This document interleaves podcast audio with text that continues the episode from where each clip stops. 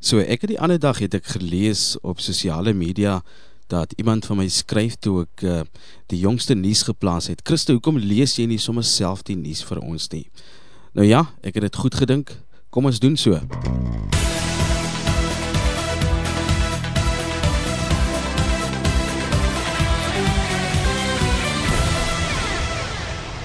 Dit so skyns na 10 op hierdie Dinsdag aand 12 Januarie 2021. Baie welkom jy luister na Christo Gawie podcast nuus. Ek is Christo Gawie. Goeienaand. Die hoof van die Wes-Kaapse Departement van Gesondheid, Dr Keith Kloete, sê nadat 50% van die koronavirustoetse die laaste paar weke positief was, het die positiewe toetskoers in die provinsie tot onder 40% afgeneem. Die Weskaap het meer as 240 000 bevestigde gevalle. Kloete sê die daling van 10 persentasiepunte in die positiewe toetskoers is 'n belovende aanduiding dat dinge begin stabiliseer het en dat die provinsie moontlik verby die piek van die tweede vlaag infeksies is. Die Weskaapse premier, Ellen Winde, het intussen inwoners aangemoedig om verantwoordelik op te tree en tuis te bly indien hulle siek voel. Hy het ook gevra dat inwoners moet voortgaan om COVID-19 protokol streng na te kom. Winde het tydens sy weeklikse aanlyn media konferensie gesê hy kan net die opheffing van bestaande inperkingsmaatreëls motiveer indien almal hulle kan bring in die bekamping van die virus. Winde sê daar is tans sowat 3500 pasiënte by openbare en private gesondheidsgeriewe. Hy sê bykans 70 ton suurstof word daagliks gebruik om pasiënte te behandel.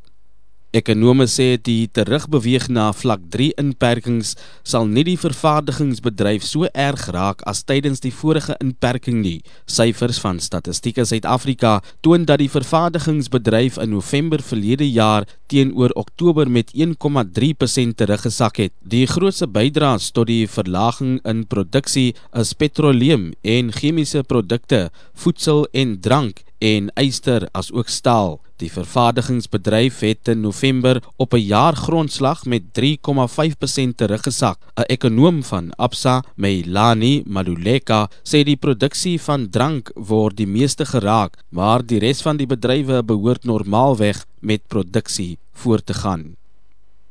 Die minister van gesondheid, Zwelim Kize, het dit beklemtoon dat mense gewillig moet wees om die COVID-19 enstof te neem en na mekaar se veiligheid moet omsien. President Cyril Ramaphosa het gisteraand aangekondig dat die land op die aangepaste vlak 3 inperking gaan bly om die verspreiding van die koronavirus te bekamp. Kize sê die regering is besig om meer COVID-19 enstof vir die land te bekom. Hy sê individue sal nie gedwing word om die enstof te neem nie maar mense moet ingelig word oor die risiko's en waarom dit nodig is om ingeënt te word.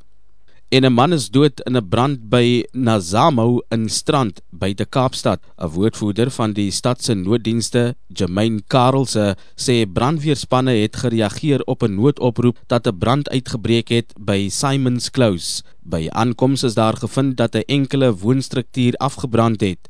Die liggaam van 'n man is in pyn gevind. Karelse sê die oorsaak van die brand is onbekend. Die polisie ondersoek die voorval. En ten slotte maak ons vinnige draai in Spanje. Temperature in Spanje het skerp gedaal na swaar sneeu oor die naweek. Amptenare het bejaarde mense gewaarsku om tuis te bly. Minstens 7 mense is dood weens die koue. Die jongste slagoffers is twee hawelose mense in Barcelona. Die temperatuur het tot minstens 25 grade Celsius in die ooste van Madrid geval. Dit was Spanje se koudste nag in minstens 20 jaar. Met dit die einde van die nuus hier met Christo Gawie podcast nuus met behulp van SABC nuus. Hou gerus jou oog en jou oor op ons podcast blad vir die volgende nuusflits uitsending. My naam is Christo Gawie. Goeienaand. Christo Gawie podcast.